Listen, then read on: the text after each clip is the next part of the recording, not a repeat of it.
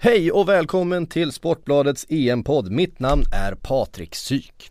Vi sponsras den här veckan utav Leo Vegas Sport som är en ny bettingupplevelse med de snabbaste livespelen. Eh, alltså det är typ eh, vem får nästa inkast, vem vinner nästa poäng i tennis eh, och sådär. Ja, ni fattar. Leo Vegas spelar du i mobilen och är byggd för så kallade sportsbookspelare. Det finns allt från eh, fotboll och tennis till e-sport och förstås då massor med EM. Så, nu rullar vi igång EM-podden.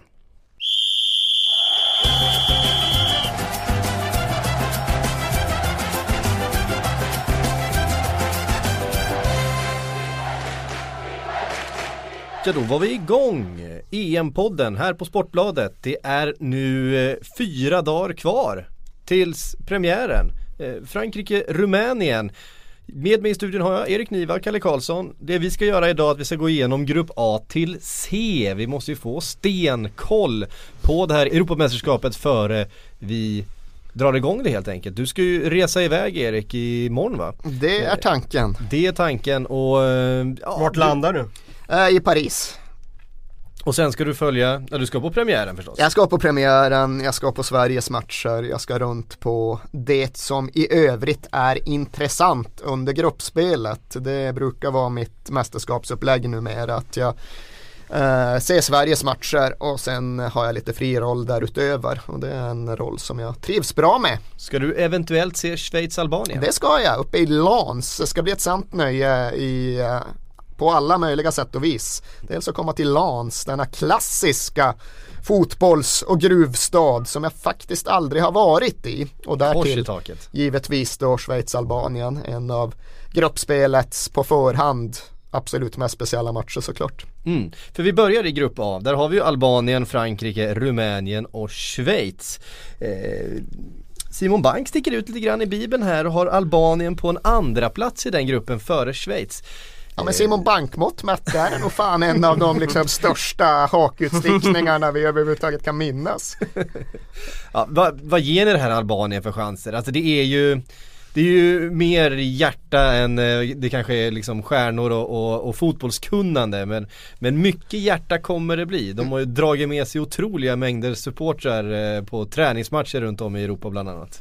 Ja, nej, jag tror att de kommer visa sig vara betydligt mer svårslagna än folk i allmänhet kanske tror. Och visst, eh, hjärta, stolthet, eh, historieskrivande och allt det där. Det varken kan eller ska förringas. Men sen tycker jag ju på fullaste allvar att laget är underskattat även sett till spelarna. Så de har Berisha i mål och de har ju Hysaj som jag tror verkligen kan bli en sensation och Tsana och Mavra i backlinjen. Och, nej men, jag tycker att spelare för spelare är de också minst lika bra som till exempel Rumänien. Så ja, Simon Bank kan väl ha visst fog för att höja en eh, dubbelhövdad örnsvarningsflagga för Albanien. även om jag ändå tror att eh, de kommer ha svårt att komma före Schweiz i gruppen men jag tycker de borde ha goda förutsättningar att komma trea. Jag eh, funderade faktiskt på Albanien om det var en sån där skräll som man skulle plocka med så att jag var faktiskt inne lite på banklinjen där innan vi skulle tippa de där grupperna. Mm. Just för att de har så extremt starkt försvar. Eh, och Ni har ju tippat identiskt eh, i övrigt får man ju säga. Fy fan. Frankrike, Schweiz, Albanien, Rumänien. Ja, det är ju ja. tipset. Men det är ju också just som Kalle säger, Albanien tror jag har bra försvar på riktigt. Rumänien tror folk har bra försvar för de tittar på hur det gick i gruppen och drar överdrivna slutsatser av det. Det var ju Vlad! Ja, bara det är ju ett stort problem i sammanhanget. Nej men Rumänien släppte ju typ inte in några mål i gruppen och då tror folk att de spelade bra försvarsspel. Men då måste man ju faktiskt titta på vilken grupp de hade. Det var alltså gruppen som Nordirland moonwalkade hem. Det var där Grekland fanns och förlorade mot Färöarna. Och det var där Ungern till och med lyckades skrapa sig vidare som i mina ögon EMs svagaste lag. Så liksom hålla nollan mot Färöarna, Finland, Ungern så jävla mycket säger det inte. Så jag är långt ifrån övertygad om att Vlad Kirikers eh, det var Lad Kirikers ledda rumänska försvaret är speciellt solitt. Jag tror att det albanska försvaret är klart bättre. Han har inte spelat många matcher i Napoli den här säsongen va, Kirikers. Han har väl haft en, en karriär som har gått ganska eh, snabbt ut för sen eh, Han var ju het där när, Sen när Spurs värvade honom. Ja, Då fanns det ju stora förhoppningar på att han skulle komma in och styra upp det där försvaret. Och det kan man väl säga att han inte lyckades med direkt. Ja, grejen är att det finns en spelare där, det gör det. Ja Det det absolut. tveklöst. Men det är lite som han, vad hette han, Zigrinski som värvades till Barcelona. Ja. Alltså lite samma där att sätter han i rätt miljö så är det ju en bra försvarsspelare. Jag tror att Kirikes i Rumänien nu i EM kommer kunna göra det bra. Det, det finns absolut de möjligheterna. Men det var en bra parallell just för Zigrinski var ju också den där typen av back som var väldigt skicklig med bollen. Han hade ett oerhört välutvecklat långt passningsspel. Och det är Kirikers också, han är jättebra med bollen Ja. relativt sett. Han kan inte försvara, vilket man kan uppleva som ett problem. Och det kunde inte Zigrinski heller i sådär jättehög utsträckning. Så det gäller ju att ha en tuff, solid, eh, säkerhetstänkande mittback bredvid båda de här killarna. mm. Eh, men det gäller, om man vänder tillbaka till Albanien där och för att bara understryka deras defensiv. Han förbundskaptenen där, Debiassi, han eh, var ju Levante. Och med extremt små medel där så lyckades ju han stänga igen butiken under den säsongen han eh, eh, tränade dem. De åkte ur, men då hade de ju sålt alla spelare och eh, i januarifönstret på grund av ekonomiska bekymmer. Och han fick ändå beröm den våren när de åkte ur för sitt sätt att eh, eh styra upp och organisera försvarsspelet. Så att det i kombination med ett stort hjärta, jag tror att det kan räcka till eh, ett kryss och en skrällseger i bästa fall. Mm. Eh, och som sagt, det är ju av många anledningar väldigt speciellt mötet med just eh, Schweiz eftersom väldigt stora delar av det albanska landslaget är från Schweiz. Även Ja. om de har albanska rötter. En väldigt stor del av det schweiziska landslaget är etniska albaner. Ja, eh, och då har vi ju brödramötet framförallt då, eh, Xhaka. Granit mot brorsan som jag... Talent. Precis. Eh, vi pratade om det lite innan här Erik. Det, vi kan komma på ett annat tillfälle då två bröder har mött varandra i ett fotbollsmästerskap. Ja, jag var på Boateng. den matchen nere i Sydafrika, Tyskland mot Ghana och Boateng mot Boateng. Mm. Sen är ju de halvbrorsor ifall man nu ska lägga någon värdering i det Ja, medan Xhaka-brorsorna verkligen är brorsor. Så det är klart att det är unikt. Det är inte ett för stort ord att använda. Och de kommer ju därtill också spela direkt mot varandra för båda kommer väl ställa upp som innermittfältare. De har mötts tidigare läste jag mig till i schweiziska ligan men då var det ett läge då liksom den ena spelade innermitt och den andra ytterback och lite så var det ju med Boateng-brorsorna. Okej, Kevin Prince spelar ju någon märklig offensiv mittfältare och Jerome spelade back men de kom inte i speciellt mycket kontakt med varandra i den matchen. Här kommer det ju vara närkamp och närkamp och närkamp, Xhaka mot Xhaka. Och är ju- frågan är vilket lag Granit håller på egentligen. Det, har ju varit, det, det, det läste jag mig till nu, det var ju väldigt speciellt alltså att han hade sådana känslor för Albanien att han hade gått ut och sagt liksom att jag ville skjuta utanför när vi liksom Ja, Alltså alltså, det- han, har, han har den typen av känslor. Ja. Och det är väl även eh, Shakiri varit ute och, och sagt att han har starka Ja, band han till spelar ju med Kosovos flagga på skorna och Ja. är väldigt inne på den dubbelhövdade örnen och den estetiken. Så nej, alltså det är ju många av de här schweizeralbanerna som är oerhört stolta över sitt albanska ursprung och det komplicerar ju matchen, det går ju inte att säga något annat. Um det ska bli förstås väldigt spännande men vi har ju eh, den, den självklara favoriten i den här gruppen Frankrike som väl ska promenera hem en gruppseger här. De det har ju känns fått, ju så. De har ju fått en värdnationslottning också, det får vi ju vara ju uppriktiga och Var det säga. Platini som styrde upp den där lottningen innan han vek in årorna där? Vi låter väl det vara osagt men eh, det, det känns ju på förhand som eh, det ska gå vägen att ta sig vidare till en åttondelsfinal för Frankrike i alla fall. Allt annat De borde ju vara historiens största skräll om de skulle åka ur i hemma-EM i Ja. den här gruppen. Ja. Eh, minns ni förresten eh, premiärmatchen hemma-VM, Frankrike-Senegal? Ja, det var inte Nej, hemma det var VM. inte- det var nej. 2002. Ja det var var 2002 ja. Ja, ja. var, eh, 98 var det ju match mot, vilka hade de då? De gjorde ju mål till slut där, Dugari va? Eh, så var det nog ja. Eh, men jag minns i alla fall att eh, Frankrikes premiär där mot Senegal, man var helt säker på att Frankrike Ja, då Som de ju- då var ja, dubb, dubb, regerande VM och EM-mästare. Eh, Men den stora frågan är, Kalle kan det så han får inte få svara, men kommer du ihåg målskytten för Senegal? Nej du får inte Ja, svara. ja, ja. Jag tror det var på 98 men Nej. 2002, det är ju 2002. färskt i minnet så Exakt. kom igen nu. Ja det, det var ju inte i alla fall ehm, Nej jag kommer inte på Ja, det var inte El Nej, Hadji det Diouf, han gjorde inga mål Han gjorde inga mål under, under mästerskapet Han forcerade in den från en meter, vill jag minnas. Eh, Nej jag minns inte Pappa Boba. Pappa Boba Pappa Boba ja, Diop. hade jag in... ja, hade du inte pappa Boba eh, nära till hands? Nej jag hade inte det Eh, Jag ber om ursäkt till det kära Det var, ja, men det var ju lite en sån där Schweiz-Albanien match också. Det var väl tio vill jag minnas av de senegalesiska spelarna som var födda Fostrade. och eller fostrade i Frankrike.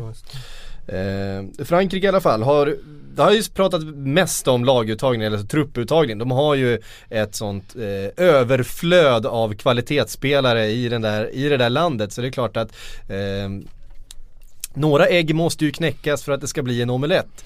Eh, Benzema petad. Eh, kanske inte av eh, rent eh, fotbollsmässiga eh, anledningar utan eh, det finns andra anledningar. Precis som med Sakho som jag också har varit given i den där truppen. Eh, det som har varit det stora i Frankrike har ju varit petningen utav Lacazette. Som många tycker borde varit där men som väl egentligen har petats på grund av faktiskt eh, fotbollsrelaterade eh, anledningar. Han har egentligen helt enkelt inte bedömts som eh, det bästa alternativet. Ehm, vad säger ni om eh, den här kontroversen kring eh, Lacazette? Vi behöver Ja, inte gå in på Erik ja, okej. Cantonas eh, förklaringar till varför laguttagningen har sett ut som den gör. För att den, det blir lite kladdigt kanske men Nej, Lacazette jag vet inte riktigt hur han har tänkt där men eh, Känslan är väl att han egentligen är en bättre spelare än Gignac Men att Deschamps kanske vill ha olika spelartyper där framme Och att det då motiverar honom att ta ut en bättre och mer användbar trupp eh, Annars ser jag ingen anledning. Jag tyckte han kom igång den här säsongen till slut där och eh, Det hade varit naturligt att ha honom med. Mm ja, det saknas ju inte anfallskraft i det där laget ändå. Ja, nu ser Giroud ut att komma in i mästerskapet i någon form av fart och form. Han är ju första val, han kommer ju spela center tills något annat inträffar. Och han har ju gjort väldigt många mål den senaste månaden oavsett eh, tröja han haft på sig. Eh, så det blir ju intressant att se hur det går för honom. Han kommer ju vara en nyckelfigur i hela den här turneringen. Eh, om vi pratar om 98 och parallellerna dit så vann de ju VM utan center. De spelade med en helt oduglig Ivarch VM 98 och vann ändå. Eh, och det ska de väl inte behöva göra. Giro kommer nog göra sina mål, det tror jag verkligen. Jag tror att eh, det skulle kunna finnas ett case för att spela på honom som skytteligavinnare till och med. Eh, men det går inte att förlita sig på honom. Det går inte att känna sig helt övertygad och säker om att han kommer prestera. Så det är ett frågetecken. Sen är ju det andra kvarvarande frågetecknet backlinjen och i synnerhet mittförsvaret. Nu när Varann försvann och sen även, eh, vem var det mer som lämnade in här på slutet? Eh, Lass. Eh, Ja, mm, tänkte i och för sig mittbackar Ja, mittbackarna. Ja, precis. Det var Eh. ytterligare en eh, kandidat som försvann. Så nu blir det ju Koscielny som måste vara försvarschef. Och det har väl också lett till att Deschamps har fått lättare att göra prioriteringen mellan Kabay och Kanté. Det blir Kanté som spelar mycket för att backlinjen måste få lite extra skydd. Och ja, där får man ju se. Backlinje med Sanja, Koscielny, Seyman Gala och och Evra. Det är ju ingenting som man egentligen borde kunna vinna EM med. Men jag håller ju trots allt ändå Frankrike som kanske den största favoriten. Mm. Och, och Kanté har ju eh, visat sig ha defensiva kvaliteter utav det vanliga som eh, hjälper en backlinje minst sagt. Um, och kanske kan han ta med sig lite Leicester-magi in i det här laget också då. Eh, lär stå för löpmeter.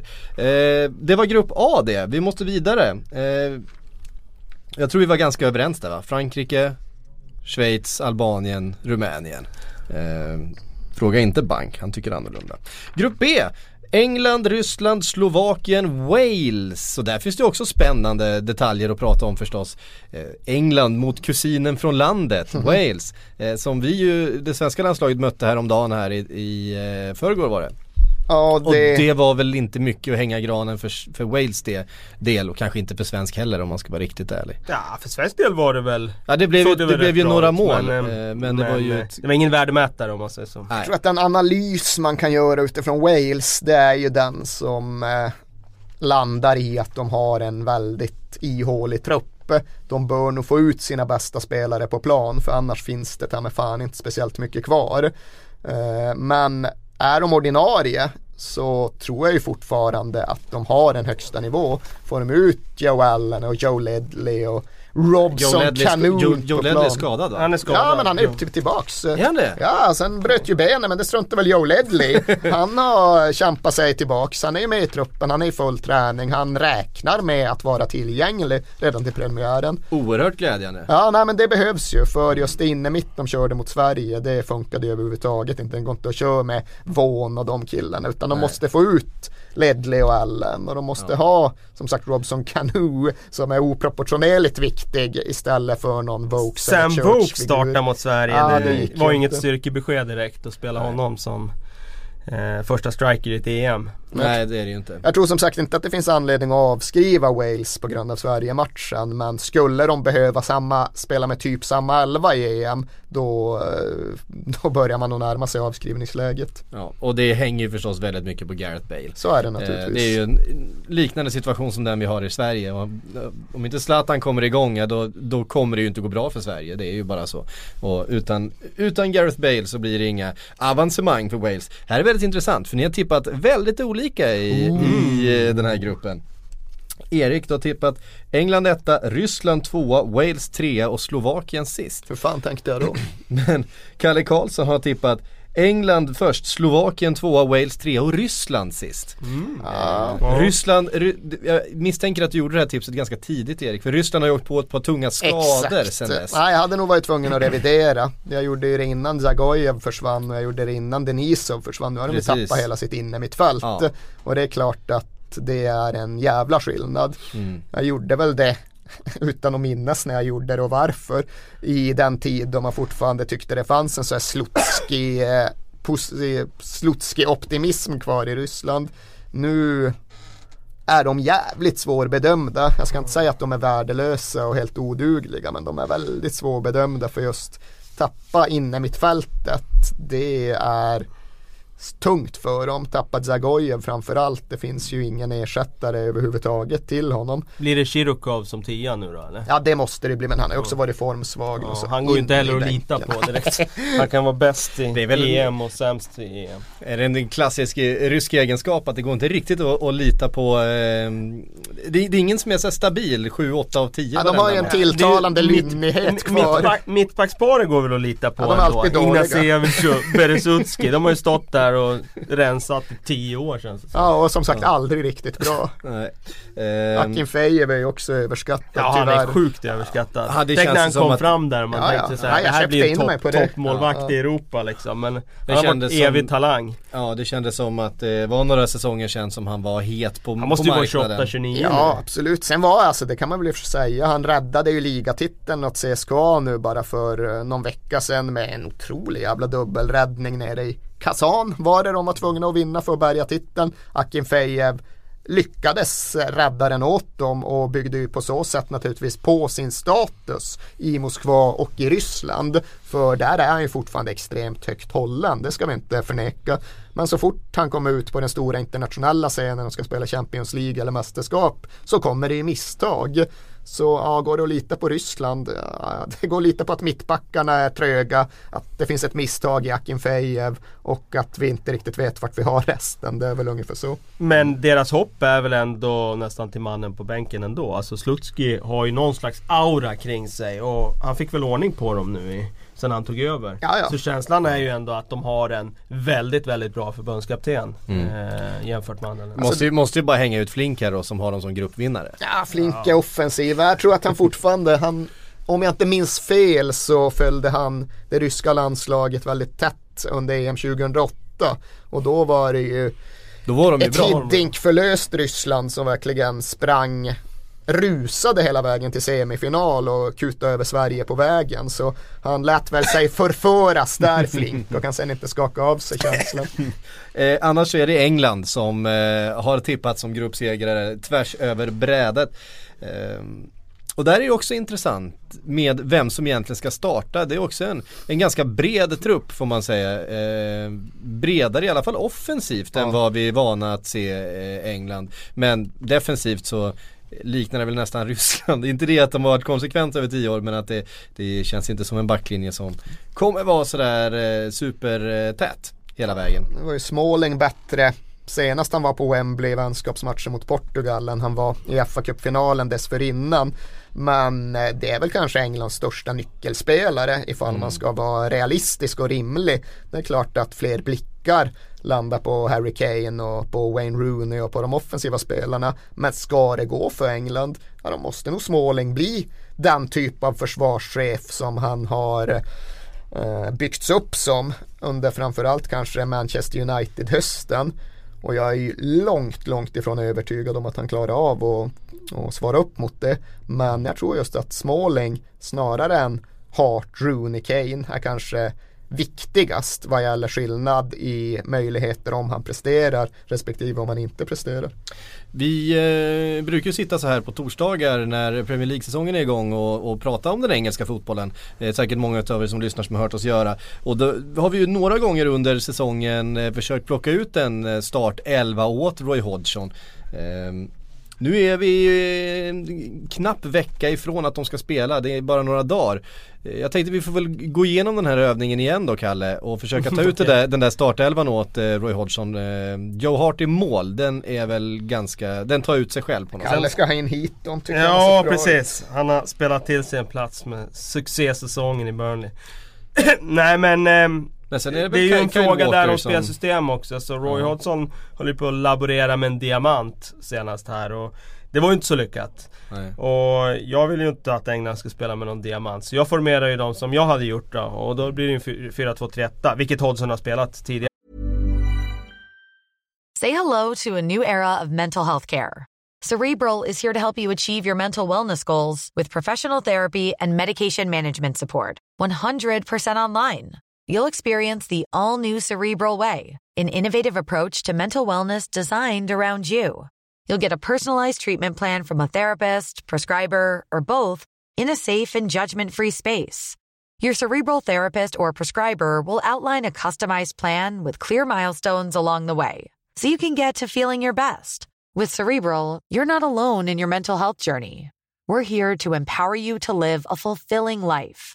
So take that first step towards a brighter future and sign up today at cerebral.com slash podcast and use code ACasts to get 15% off your first month. Offer only valid on monthly plans. Other exclusions may apply. Offer ends July 31st, 2024. See site for details. matcher också. Han har ju Finns väl anledning att tro att, det, att han kommer göra det också? Ja med tanke på att det inte fungerar alls senast så känns det som rimligt att gå tillbaka till det och då blir ju fyrbackslinjen Kyle Walker eh, Smalling, Cahill, Danny Rose. Och sen blir det framför dem Dyer, Dele Alli. Eh, med anledning då av att eh, de känner varandra från Tottenham. Eh, det blir en trio framför med eh, mm, mm, mm, mm Nu ska vi se till höger. Ska vi sätta där. Um, Ja det känns väl som att Rooney kommer starta som tia och Kane längst fram. Den, den mm. ser jag som given. Och sen på kanterna, där är ju frågan då. Raheem Sterling tror jag fortfarande kommer få en av platserna. Och sen vem som tar nästa. Varför inte evighetsmaskinen James Milner i någon mm. slags eh, defensiv högerroll så låta Walker ta, ta eh, en roll som eh, offensiv ytterback och gå ner mot hörnflaggan där. Mm. Ingen Lalana? Nej, eh, Joker. Eh, Ser ju rätt pigg ut i inhoppet Men, eh, jag, ja, men jag tänker just i den positionen, alltid... det är ju den han normalt sett spelar. Ja eh. precis, äh, det kan vara, det kan vara Lallana. Eh, det kan ju också vara en Jack Wilshere om han ser het ut på träningen. Men jag skulle säga Jack som inhoppare sista 30 för att för, förändra liksom en mm. matchbild. Mm. Jamie Vardy har ju fått ganska mycket förtroende i eh, träningsmatcher och sådär inför här. Men senast mot Portugal, det här är lite intressant statistik. På sina 66 minuter hade han 8 tillslag på bollen. Jag såg 9 men okej då. ah, han var inte skit, det kanske var 8 plus avsparken då. Ja det är möjligt, det är möjligt. Det är ju inte tillräckligt eh, mycket. Nej men det går ju Snacka inte. Snacka om att alltså, vara osynlig. Ska man spela honom som någon typ av ytter så gör man ju bättre i att skita i att spela honom. Då är det ja. bättre att spela med en Sterling till exempel som kan spela ytter. Jag tror till och med att han är bättre defensivt i den rollen än vad Vardy är. Inte för att han är det generellt, inte för att han har bättre intensitet i sitt pressspel men för att han faktiskt vet vad han förväntas göra. Och det där med square pegs in round holes är mm. ju såklart någonting som Hodgson bör försöka undvika. Det är ju annars en återkommande fälla som engelska förbundskaptenen faller i. Nu måste vi ha in Paul Scholes och Steven Gerrard och Frank mm. Lampard. Ja då får Scholes spela vänsterytter. Ja, men han kan inte spela vänsterytter. Det är det som är problemet här. Uh, så jag tror väl just att uh, det är någonting Hodgson bör undvika. Jamie Vardy är ingen ytter. Vill du nu ha honom så då får du allt spela honom som centrala anfallare och vill du inte starta med honom så får du väl slänga in honom som centrala anfallare. Men Vardy som ytter, eller för den delen Kane som ytter, ain't no good. Nej. Uh, och där bakom finns ju förstås också en Daniel Sturridge som till slut kom med då efter sina skadebekymmer som han alltid ådrar sig så fort Roy Hodgson kommer inom 100 meter av honom. Då, då går han sönder. Där finns det ju såklart möjlighet att spela honom på en kant för det är ju mm. en position han är familjär med. Eh, det skulle jag ju verkligen kunna se i en offensiv uppställning. Att de skickar ut Sturridge på en höger till exempel. Kommer Rashford få minuter i EM? Nej, jag tror inte det. Eh, jag tror att det blir så att eh, Hodgson, precis som du var inne på, han inser att han kan inte spela Vardy som, som ytter. Då får han vara backup-anfallare och då blir mm. Rashford degraderad till trea och då, då blir det inga minuter. Nej. Um, ett lag som vi inte har nämnt hittills då i Grupp B, Slovakien. Kalle, du har dem som eh, tvåa.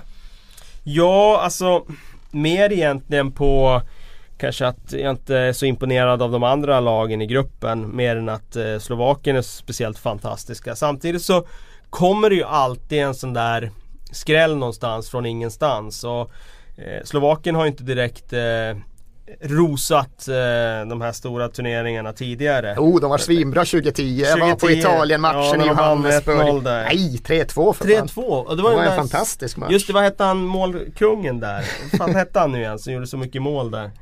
Det var ju, det är ju samma dude som det fortfarande höll jag på att säga. Mm. Ja, strunt samma. Han eh, gjorde ju en jävla massa mål i det gruppspelet. Ja, det stämmer, det var en eh, målrik historia. Eh, nej men ehm, Annars så är det väl... Känslan är att eh, de har ett hyfsat lag. Eh, med några spe spännande spelare som skulle kunna blomma ut till slut. Liksom en, en Vladimir Weiss till exempel som eh, var evig talang i Manchester City och som jag tyckte var väldigt bra redan 2010 då när han var med som ung och grön. Mm. Eh, Miroslav Stors, alltså den typen av spelare skulle kunna eh, ackompanjera Hamsik på, på ett sätt som gör att de det är mycket, sig vidare. Det är mycket press på Marek Hamsiks eh, axlar för, förstås. Det är ju han som är eh, lite likt Gareth Bale då i, i Wales eller Skärter skulle kunna sprattla till här och göra ett super, supermästerskap liksom. Ja det behöver han nog göra ja, för i övrigt är inte backlinjen så jävla stabil. Jag gillar väl Hobatjan i och för sig men nej, den känns inte jättebra. Nej. Han är ju mm, oerhört viktig för det där landslaget förstås, eh, Skertel med sin, med allt vad han eh, bidrar med. Både eh, en del mål framåt och en del mål bakåt och eh, en och annan eh, fadäs i eget straffområde. Eh, det är svårt att gå en hel match utan att eh, göra för honom. Vi går vidare till Grupp C, den sista gruppen vi ska titta på idag. Där hittar vi Tyskland, Ukraina, Polen och Nordirland. Eh, det är bara, det är bara massa sån här eh, klassikermöte eller vad ska vi säga? Det, det är liksom släkt, släkten är värst där på, på många håll och kanter. Eh, Ukraina-Polen. Ja, det blir EM, också... EM-mötet. Ja, precis. Eh, och på något sätt ett, eh, ett vänskapsmöte i den politiska situationen i världen. Kan vi få se en och annan politisk demonstration på läktaren tror ni? Eh, det lär väl eh, bli svårt att undvika. Det anti-ryska är mm. väl det som i så fall förenar de här två nationerna. Jag vet inte hur så. långt vi ska gå på den bollen men uh, ja, det, det, finns något där. Sen tror jag i och för sig att uh, om man tror att det är ett vänskapligt brödramöte enbart så går man lite bet på komplexiteten i den delen av Östeuropa. Ja det är mycket möjligt att man gör. Men det, det känns ju ändå på, på förhand som eh, väldigt intressant möte. Polen som ju Eh, många har som en outsider att gå väldigt långt i den här eh, turneringen också. Ett, eh, både, ett, både ett ganska namnkunnigt lag ju, men också ett, ett eh, samspelt lag. Ja, gjorde ett bra kval. Eh, slog ju Tyskland och hade ju till och med kunnat hota dem om gruppsegern. Och, ja, det är berättigat att prata om Polen som en eh, riktigt relevant outsider. Finns ju en stark ryggrad i laget. Du har Glick och du har Krychowiak och du har såklart Lewandowski och du har bra komplementspelare om man ska beskriva Picek och Zielinski som sådana. Och du har ju i de flestas ögon en väldigt stark målvaktsbesättning. Mm. Där är ju dock inte jag lika övertygad. Det klassiska polska målvaktsundret. Ja, nej, men det tog man ju fram eftersom att det inte fanns någonting annat runt den polska fotbollen före Lewandowski. Det var liksom det enda positiva man kunde hitta. Att Legia framförallt fostrar massa målvakter. Men hur jävla bra är de egentligen? Det är skitmycket sådana här 3 eh, plus målvakter. Alltså, ja. Man kan stapla dem på höjd. Men det är knappt att Borucens lever upp till det och Chesney får ni väl värdera som ni vill vill men sen är det ju Fabianski som står och ja han har gjort det bra i Swansea men jag håller honom inte lika högt som de flesta andra gör. Jag tycker fortfarande han är max en 3 plus målvakt på internationell nivå. Ehm, och Lewandowski förstås. Den, ja, den kanske hetaste striken i hela Hela mästerskapet. Ja, lugn nu, lugn nu. Efter den här säsongen? Ja, jag skulle nog sätta Z högre faktiskt. Ja, kanske. Ja, ja okej okay då. Okej då, okej då, vi gör det då. Men den näst hetaste striken i hela mästerskapet. Alltså man kan ju inte undervärdera Harry Kane och det han har gjort. Alltså. Ska vi in med Grishman där också kanske? Nej, han är striker eller vad? Han, nej, men Han är ju Sam Vokes. Naturligtvis jävligt, jävligt central och ja. Han har väl på sitt sätt också en status eh, som nästan motsvarar den som Zlatan har. Han har ju inte samma så här politiskt symboliska sprängkraft men det spelar liksom ingen roll hur bra Krychowiak är i Sevilla. Det är liksom Lewandowski som, eh, som frontar precis hela Polen precis hela tiden ändå. Ja, eh, och med all rätt. Ja, jo, efter, efter den säsongen han haft i, i Bayern München.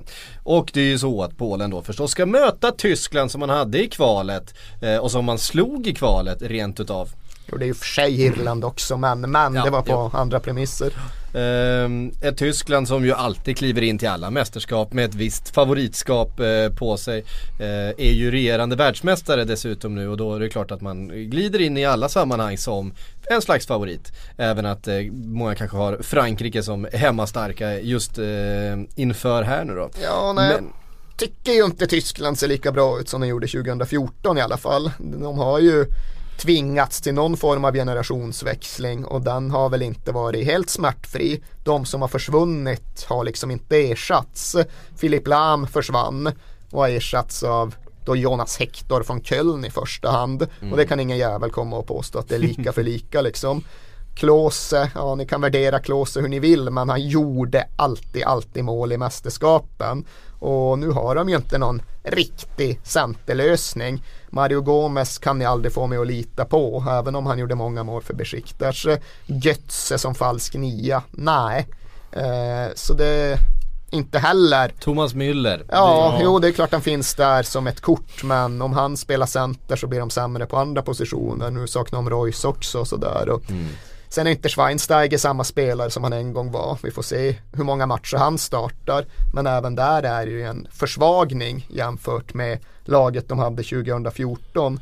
Ja det Så, känns som centralt på mittfältet att det är betydligt svagare Nej, men Jag tycker på flera än... positioner, alltså inte bara där. Om du tittar ytterbackarna till exempel. Om de ska spela Jonas Hector och Emre Can då är ju inte det i närheten av vad de egentligen ska ha ett tyskt landslag. Alltså mm. de har spelat med Filip Lam där i tio år som har varit världens bästa ytterback. Mm. Eh, och känslan är att, ah, det här och Emre Can som ju inte ens är ytterback egentligen. Ja, har inte spelat precis. en enda match som ytterback den här säsongen. Det, Um, Osäkerhet ja. kring Hummels också ja. även om de väl får ihop honom och det krävs ju verkligen att han och Boateng fungerar för det är väl Ja, i och för sig Hummels vette fan, men Boateng har i alla fall höjt sin status sedan 2014. Han är ju självklar som mittback på absoluta världsnivå numera och där kommer han behöva spela.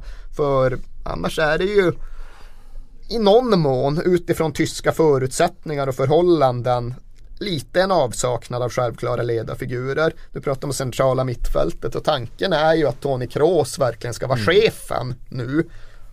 Blir han det? Är han det? Nej. Jag har alltid gillat Kroos. Ända sen han spelade i Hansa Rostock så jag säger fan vilken jävla han har idrottsman. Fem plus i bibeln. okay. Men det ska han ju ha. Det tycker jag han ska ha. Alltså han är ju en mittfältare på den högsta nivån. Men jag håller med. Är han ledaren som kliver fram som och tar den rollen? Nej. Det skulle jag inte säga. Jag tror nog han har psyke för det, det tror jag. För han har alltid haft just en jävla målmedvetenhet och en jävla tro på sig själv och sådär. Så jag tror inte han fejdar på det. Men nu var han i och för sig bra i Champions League-finalen. Jag tyckte Real Madrid tappade efter att han blev utbytt. Men han har inte gjort någon jättebra säsong för Real Madrid. Det tycker jag inte man kan säga.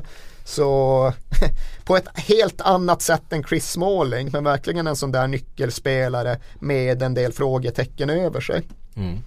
Um, det är Tyskland det förstås kommer de ju gå långt i den här turneringen också. Det gör de ju alltid. jo, när, när hade vi ett mästerskap där Tyskland inte gick långt i en turnering? 94 Nej, de gick ändå till kvart. Ja, man kommer ihåg det som ett superfiasko. Men, men, då var det ju ett fiasko jo, med tanke på hur bra de var. Regerande världsmästare och allt. De hade 94 också. Ja, men det var Sen var det väl att de åkte ut mot Bulgarien också. Nej, det var ju EM det var väl 2000 och 2004 som Tyskland var jävligt dåliga. Och det var ju då de genomförde Das Rebot som de refererar till. Som sen genererade den spelargeneration som vann VM 2014. Men ja, det är ju inte så att de åker ut i gruppen den här gången, det kan vi ju konstatera. Nej, det kommer de inte göra. Eh, och tittar man på motståndet där i Ukraina, det är klart att där finns ju en eh, Jarmolenko och en Konoplyanka förstås som ska eh, springa och trolla och springa och trolla och göra de där målen och eh, det mesta för de lagen och, och Polen har vi varit inne på. Sen så eh, finns ju en strykpåse i den här gruppen också. Jag gillar framförallt hur klar du är med Ukraina efter den mm. analysen. ja, just det. Vi vänder blad som kungen brukar säga. ja, ja, nej, jag, visst, visst, jag accepterar detta. Jag hastar på lite här, men visst, vi kan, vi kan, vi kan väl bläddra tillbaks då till, till Ukraina om ni vill. Om, om ni vill. Jag, jag, tyckte, den. jag tyckte det var en, en eh, väldigt djupgående och fullskalig analys. Ja, framförallt jag gillade det, det syns ju inte um, det visuella men du sitter ju då med Sportbladets EM-bibel framför dig. Hade ja, det ukrainska ja, uppslaget, just uppslaget, konstaterade där finns Konoplyanka, där finns Jarmolenko och sen bläddrade demonstrativt vidare. Ja, det känns väl eh... Ja, jag vet, ni får, gärna, ni får gärna eh, hindra dig precis när ni vill. Det känner ni till. Ni vet precis hur det funkar här inne. Stop me if you think that you've heard this one before. Nej men det finns oerhört mycket kring Ukraina och liksom sammansättningen av det laget och hur man egentligen bygger ett fotbollslag över det som bokstavligt talat är stridslinjer. Mm. Men eh, det kanske inte finns tid eller utrymme för allt det där i detta forum som vi kanske återkommer helt enkelt. Så blir det väl antagligen. Men eh, det är klart att det, det, pågår ju faktiskt ett krig i det där landet och det påverkar ju allt. Ja, just eh. eftersom att väldigt många av spelarna kommer från olika sidor av dessa skyttegravar. Mm. Om man nu ska prata om dem. Eh, inte minst eh, namnen som vi har nämnt här, Konoplyanka är väl från eh, Dnipro.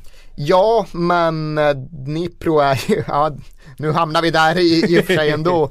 Det är ja. visserligen en rysktalande stad men de har inte alls samma Moskva-vurm där som de har i till exempel Donetsk och Konoplyanka för att ta just den specifika spelaren har väl inga egentliga problem med det ukrainska. Liksom, han är ju en blågul patriot, vilket är väldigt viktigt att vara när man ska bedömas i en ukrainsk folkopinion numera. Så han är väl inte en av de spelarna som bedöms som komplicerade i det här sammanhanget. Men det finns andra spelare i truppen här som, har, eh, som är mer komplicerade i den... Eh... Korrekt, ja.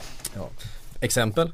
Eh, ja men ge mig den där Ge mig det där uppslaget så kan jag bara Ja, Selesnov eh, Vart har vi han Stepanenko eh, Rakitski För att bara ta några av dem som just kommer från andra sidan stridslinjerna och sen är det fortfarande en tyngdvikt, tung, vad heter det, tonvikt vid spelare från det ukrainska Ukraina. Men mm. som sagt alla är inte det.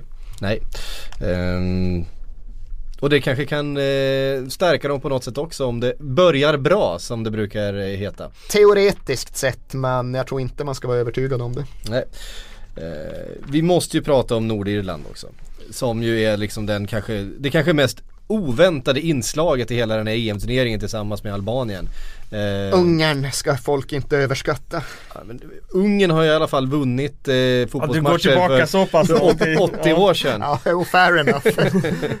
eh, men Nordirland slog väl i och för sig Sverige hade väl problem med dem i, i kvalet till VM 2010 ja, va? När David Healy Ja de tog fyra poäng av Sverige, de slog, och slog även Spanien, Spanien. Det, slog, slog England i samma veva, det var ju precis som du sa David Healy Men David Healy är inte kvar. Nej nu är Kyle Leffert i deras David Healy, det är Han i alla fall tanken. Han sänkt Sverige också en gång, eller kvitterat på Råsunda ja.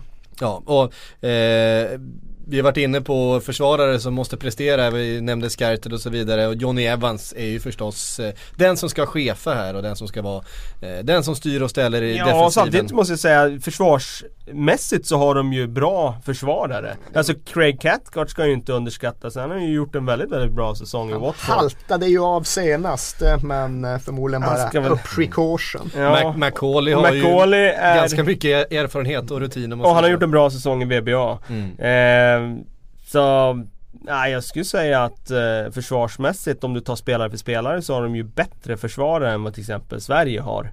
Eh, sen tycker jag det finns en del att önska i övrigt. Tror du Roy Carroll kommer stå? Nej det tror jag Fan, inte. Det vore ja, ju för festligt. Det vore alltså, väldigt festligt. 40-åring från Notts County i fjärde divisionen liksom. Ja.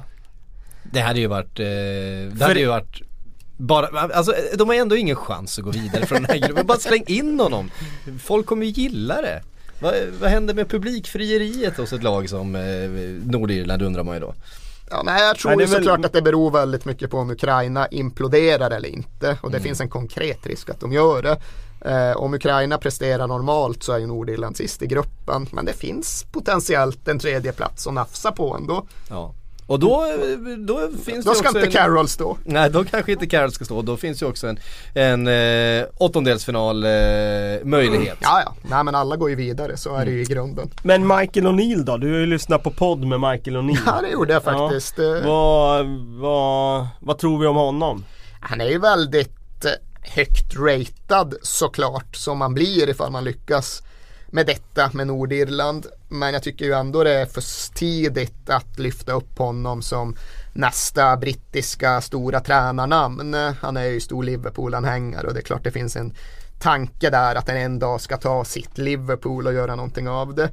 Det han får mycket beröm för det är ju just det här att han lyckas få ut max av alla sina spelare. För han måste, det finns liksom inte alternativet att skära av Kyle Lafferty bara för att han är strulig och bökig. Utan han måste på något sätt nå fram till honom och göra fotboll av Lafferty. Och det är det som, för att ta liksom ett konkret specifikt fall, det är den typen av ledarskap han har fått mest beröm för. Han har liksom lyckats sätta sätta laget, få alla att köpa in sig på de premisser som måste gälla och på så sätt få ut max av ja, en svår spelare som Lafferty eller för den delen en väldigt lättskött spelare som Steven Davis. Mm. Alla presterar väldigt nära sitt max när de kör för Nordirland och det ska såklart O'Neill ha stor heder av.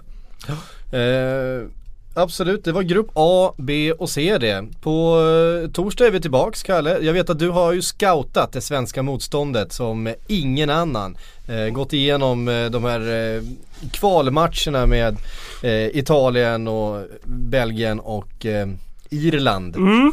Tyvärr har det ju hänt en del sedan dess men eh, vi kan väl eh, ta en ny titt på det. Vi tar en ny vända på torsdag, då går vi igenom de övriga grupperna som är kvar också. Och vi eh, kommer höras via de kommunikationsmedel som står till buds då. när du är ute och re reser. Men vi ska försöka hålla kontakten under mästerskapets gång här och se vad du har för dig Erik när du är ute och, och reser med eh, fotograf Pontus Orre är det va, som är ditt ressällskap den här junimånaden. Det är den dynamiska duon. Det är vi som är Shearer och Saturn, oklart vem som är vem. Exakt. Eh, vi hörs på torsdag igen, tack för att ni har lyssnat. Det här är EM-podden. Ha det så fint.